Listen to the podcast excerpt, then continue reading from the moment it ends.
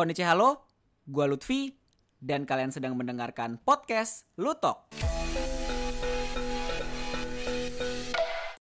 Jadi awal mulanya gue bikin episode podcast ini adalah gue nemu suatu post di mana ada yang mengatakan bahwa musisi populer Jepang itu yang naik akhir-akhir ini itu kita nggak tahu mukanya kayak gimana. Karena kan kalau di Barat dan juga di Indonesia kan kita tahu tuh musisi itu kayak nunjukin muka banget kan, apalagi kalau lagunya populer banget dan jarang banget ada musisi yang nggak nunjukin muka bisa naik parah di Indonesia ya terutama ya.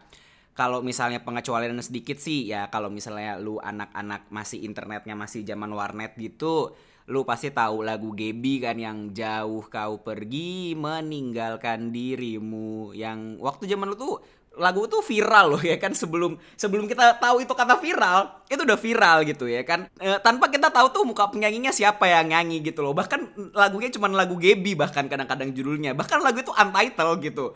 Tapi yang kita tahu bahwa lagu itu katanya merupakan lagu terakhir sebelum si pembuat lagunya meninggal. Dan endingnya adalah ya ternyata enggak gitu. Itu cuman akal-akalan doang biar lagunya rame. Anyways, ini membuat gue penasaran juga ya. Dan gue mikir, oh iya ya lagu yang populer selama satu dekade terakhir ini di dunia musik Jepang apalagi pas zaman-zaman pandemi kayak gini ya, pasti dari penyanyi yang nggak tahu kita mukanya kayak gimana. Contohnya nih ya, Yoasobi sebelum Yoroni Kakeru meledak. Nggak tahu mukanya kayak gimana gitu kan. Yang gua tahu, oh ini pasti Vocaloid banget gitu ya kan. Atau Yama, atau Zutomayo, atau Yorushika, atau If, atau Ado. Atau penyanyi yang datangnya dari dunia Utaite dan Vocaloid terus dikontrak sama major label.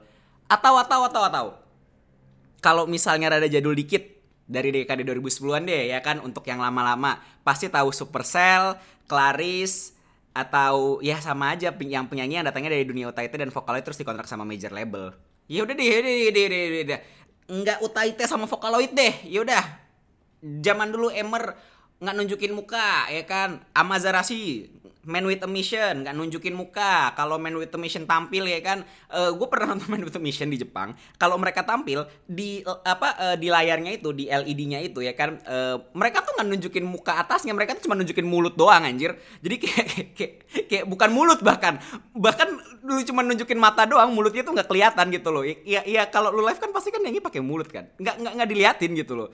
Di di LED gitu Nah kalau misalnya zaman dulu Beat Crusaders dah ya kan itu juga nggak nunjukin muka aslinya juga kan.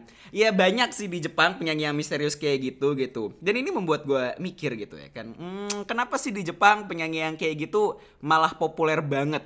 Karena kan ini kan nggak normal ya menurut orang-orang luar ya kan. Yang soalnya yang uh, kita tahu itu penyanyi itu harus satu paket gitu ya kan. Badannya bagus, mukanya cakep, Iya kan? Terus juga suaranya good looking, iya kan? Biar bisa dapat banyak fans gitu ya kan? Kalau nggak percaya, ya itu K-pop gitu loh. Atau kalau misalnya nggak K-pop, boy band, ya sama aja sih. Iya, atau artis-artis yang girl band, girl group itu juga sama dan artis solo juga sama gitu loh. Kita biasanya tuh melihat harus satu paket gitu. Nggak nggak cuman dia bad, uh, apa suaranya bagus dan powerful, enggak dia harus good looking gitu loh bahkan di apa namanya Indonesian Idol pun atau X Factor dan kawan-kawan gitu itu ada yang namanya uh, tes kamera gitu ya kan. Ada yang namanya uh, tes kamera di mana penyanyi itu harus good looking dulu baru bisa masuk ke audisi tahap berikutnya. Padahal tuh dia belum nyanyi. Dia cuma diliatin aja fotonya. Oh bagus mukanya. Oh pakai. Oh bagus mukanya. Oh pakai. Kayak gitu. Itu belum masuk ke tahap tahap dia nyanyi di depan juri-juri artis. Itu udah ada tes kayak gitu. Udah, udah difilter dari tampang gitu ya kan. Tapi di Jepang tuh nggak kejadian kayak gitu. Dan setelah gue kepikiran lagi beberapa lama akhirnya gue nemu alasannya dan akan gue coba paparkan ya lah paparkan macam penelitian ya Allah di episode podcast kali ini jadi sebelum kita masuk ke alasannya kenapa, kita harus ngebagiin dulu dua kultur musik di Jepang. Yang pertama adalah kultur musik yang nampilin visual banget si artisnya dan perform di mana-mana.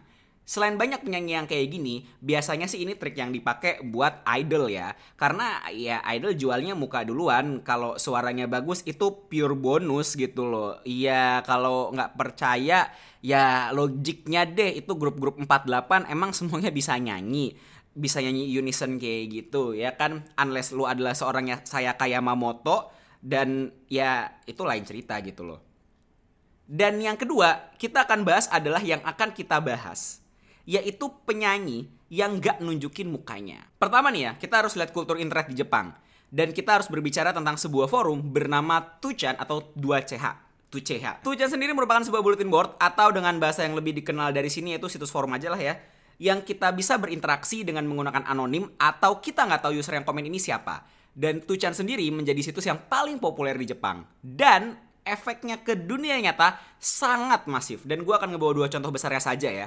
Karena kalau contoh yang lain-lain itu banyak banget. Tapi ini merupakan contoh yang uh, besar dan ini menjadi early sign bahwa uh, apa yang ada di Tuchan itu bisa ditranslate ke dunia nyata. Contohnya adalah yang pertama adalah teman bandnya Masayuki Suzuki yang bandnya waktu namanya Red and Peace ya kalau misalnya tahu kamu tahu Masayuki Suzuki yang nyanyi Dadi Dadi Dadi Didu ya kan itu aslinya merupakan seorang uh, solois juga uh, seorang penyanyi di sebuah grup band namanya Red and Star.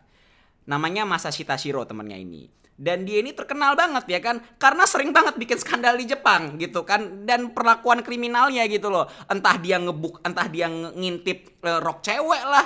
Ya, pokoknya hal-hal yang rada bokep gitu lah ya.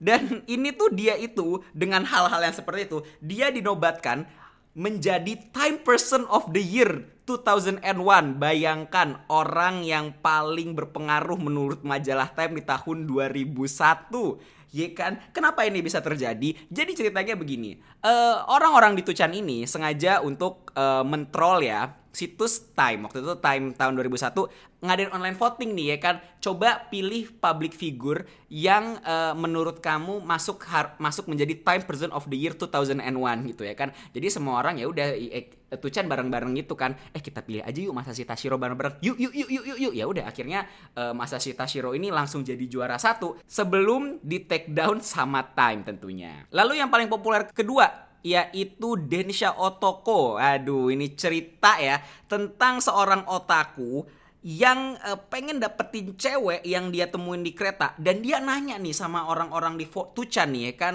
eh gue nih otaku bagaimana ya biar cewek normal yang gue suka mau sama gue dan itu uh, apa namanya menjadi sebuah adapt itu diadaptasi dari uh, diadaptasi dari thread Tuchan lalu diadaptasi menjadi uh, visual eh visual novel uh, novel lalu akhirnya diadaptasi menjadi serial dan akhirnya itu menjadi bahan paling dasar uh, para uh, researcher, para peneliti untuk mengetahui fenomena otaku di tahun 2000-an. Yes. Kalau misalnya gue sering baca buku buku-buku tentang uh, fenomena otaku dan behavior otaku, pasti larinya ke Densha Otoko lagi. Nah, kebiasaan di Tuchan akhirnya membentuk sebuah budaya anonim yang besar di kalangan pengguna internet Jepang. Dan kebiasaan tersebut juga menular akhirnya ya di situs video Nico Nico Doga di mana semua tumpahan lagu Vocaloid dan penyanyi yang menyanyikan lagu Vocaloid yang sering disebut Otaite ini menumpahkan semua karyanya di sana. Dalam Nico Nico ini kan kita nggak tahu siapa yang nyanyi. Kalau lu nonton video Nico Nico kan yang ada kita cuman dikasih cuman video animasi, eh, kadang-kadang AMV gitu kan. Apalagi lagunya itu berkaitan dengan artis Vocaloid dan penggunanya pun nggak mempermasalahkan hal tersebut gitu loh. Ya karena mereka juga uh, pas dengan uh, maksudnya target demografik lagunya pas dengan mereka gitu ya kan. Apalagi kan uh, lagu-lagu Miku yang muncul di sana kan wah lagunya upbeat wah lagunya semangat tapi liriknya edgy emo sad. Bahkan ada yang masuk ke mental health dan mental issue gitu ya kan tapi mereka nggak mempermasalahkan juga. Ya toh lagunya juga enak. Ngapain amat gue tau muka asli mereka? Toh lagunya juga nadanya enak dan liriknya gue banget. Ya udah nggak usah tahu muka aslinya kayak gimana. Karena antara pengguna dan kreator yang ada di dalam Niko Niko ini sama-sama nyaman dengan anonimitas tersebut akhirnya kreatornya juga terus level up dan ngasih konten terus untuk penggunanya. Dan itu akhirnya berbuah juga ke dunia nyata. Sama kayak Tuchan juga ya. Tapi ini versi yang lebih positif lah ya. Karena Akhirnya banyak label besar di Jepang yang mengontrak mereka untuk membuat lagu dengan budget dan promosi yang lebih besar. Karena kan kalau di Nico Doga kan lu bikin sendiri, ya kan, uh, lu upload ya udah gitu ya kan. Dan akhirnya muncullah tren seperti itu, penyanyi yang boom tanpa kita tahu muka aslinya kayak gimana. Dimulai dari album perdana Supercell featuring Hatsune Miku yang dirilis oleh Sony Music di tahun 2009 yang mampu terjual lebih dari 100.000 kopi Dan sampai puncaknya adalah Ken Shionezu yang merupakan alumnus Nico Nico dan produser Vocaloid yang mampu menjual sebanyak 1 juta kopi di dua minggu pertamanya melalui album Stray Ship. Meskipun Yonezu udah nunjukin mukanya sekarang, tapi zaman dulu kan dia nggak nunjukin mukanya juga ya kan. Dan waktu zaman dulu juga ya dia berkarya via Nico Nico Doga. Ya kita nggak tahu kan zaman dulu muka Ken Shionezu gimana. Yang kita tahu cuma tahu lagunya Matryoshka doang gitu kalau misalnya lo lihat ya, kalau misalnya lo um, apa namanya mengganti perspektifnya menjadi perspektif label, pasar komunitas internet ini merupakan lahan yang subur dan basah ya untuk digarap. Dan gampang banget juga buat dijual. Karena kayak gini loh orang label juga mikirnya kayak gini. Ya ngapain gue harus capek-capek ngurus artis dari nol? Capek ngurus brand image-nya kayak gimana? Positioningnya gimana? Belum lagi ntar perawatannya gimana ya kan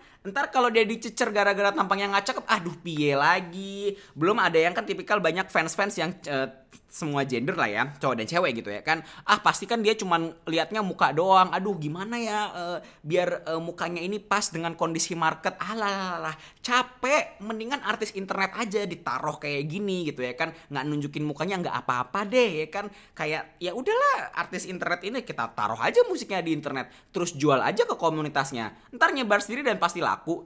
Ya artisnya nanti kalau misalnya nunjukin mukanya ya nggak apa-apa.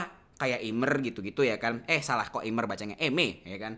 Ya nggak apa-apa. Ya udah dapet fanbase dan udah dapet keuntungan juga ya malah keuntungannya bisa naik juga dan dari artisnya juga wah lumayan banget nih gue dapat duit dari label gede tanpa harus nunjukin muka gue jadi gue tetap berkarya aja terus nggak usah takut dihina karena penampilan penampilannya gitu kan dan nggak usah tampil di depan umum juga kalau nggak perlu perlu amat gitu Kenapa sih anonimitas kayak gini bisa terjadi? Dan lucunya adalah di Jepang ini bisa ditranslate ke penjualan dunia nyata.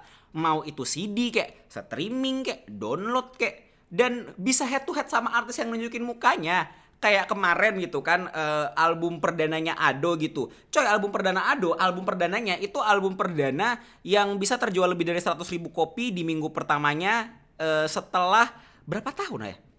Ada kali 10 tahun. Uh, Jepang nggak mendapatkan rekor seperti itu gitu ya kan lama banget coy dan bisa head to head gitu sama artis yang nunjukin mukanya orang kalau misalnya dari penjualan sales itu download bahkan download gitu kan Utada Hikaru aja lewat sama Ado ini menarik gitu. Karena lo bisa head to head sama Utada Hikaru coy. Gila yang jualan album First Love sampai 8 juta kopi atau kalau misalnya dihitung itu setara dengan 32 kali platinum di Jepang gitu kan. Alasan yang kedua ya kenapa bisa anonimitas kayak gini dan penyanyi-penyanyi yang gue sebut tadi tuh bisa meledak gitu kan? Ya karena masyarakat Jepang masyarakat Jepang itu secara sosial orangnya homogen.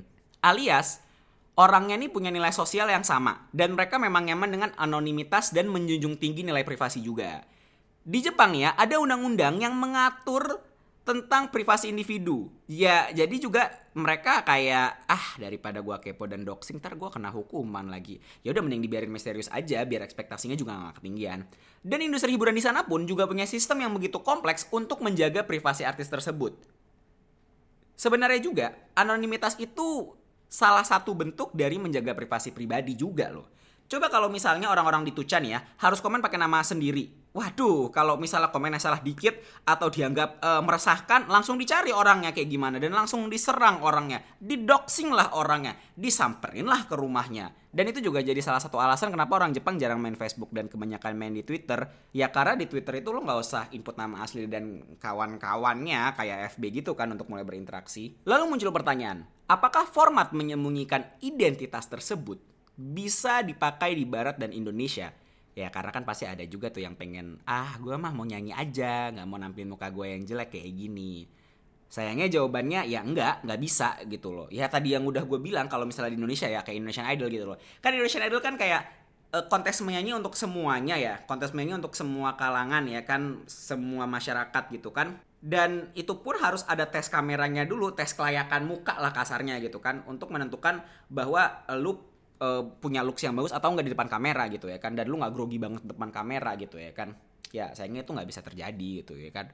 Kita tuh susah sih ngelihat uh, performance di Indonesia kayak Daoko pas di Kohaku Tagasen nyanyi Uchage Hanabi yang dia karena art, artis dari artis gede di internet sampai pas nyanyi dia tremor. Gue gue inget banget penampilan uh, penampilan Daoko di Kohaku Tagasen yang Uchage Hanabi. Coy gue belum pernah seumur umur lihat penyanyi. Tremor coy di depan panggung. Nyanyinya tate ita hani gak gila gara-gara dia saking nervousnya karena tampil di panggung besar gara-gara Uchiage Hanabi jadi viral hits di internet kan zaman uh, zaman itu gitu kan. Dan Daoko sendiri itu artis internet grogi parah. Dan itu tuh kita tidak bisa uh, apa namanya mendapatkan itu di dunia musik barat dan juga Indonesia gitu ya kan. Karena mereka itu penampilannya so polish bener-bener udah ditata rapih gitu loh. Kalau misalnya dari segi privasi ketika artisnya udah mulai famous ya mereka pengen lihat mukanya gimana ya kan apalagi orang orang barat sama Indonesia kan punya satu kesamaan itu ngejudge orang dari tampilannya gimana dan ketika udah famous ya mereka kan lihat tampilannya gimana, ngestok sampai ngestok juga orangnya gimana, ya kan?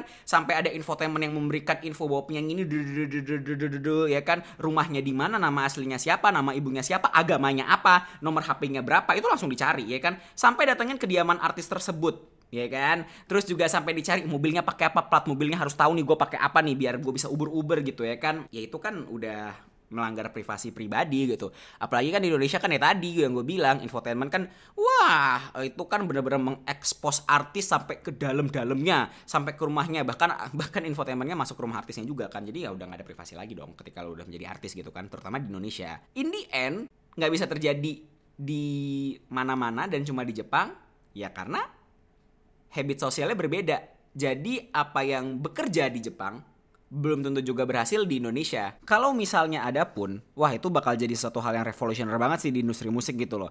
Tapi ya karena balik lagi ya budayanya memang kita melihat sering melihat looks dan penampilannya, baru suaranya. Jadi hal itu bisa masih sangat lama atau tidak mungkin terjadi sih. Terima kasih telah mendengarkan podcast Lutok. Follow atau subscribe podcast ini di platform podcast favoritmu Jangan lupa juga untuk follow Instagram Lutfiworks di @lutfiworks underscore 95, Twitter di @lutfikentweet, dan jangan lupa buat like FB-nya yang namanya Lutfiworks. Gue Lutfi, sampai bertemu di episode podcast berikutnya. Plus Ultra, sayo dadah!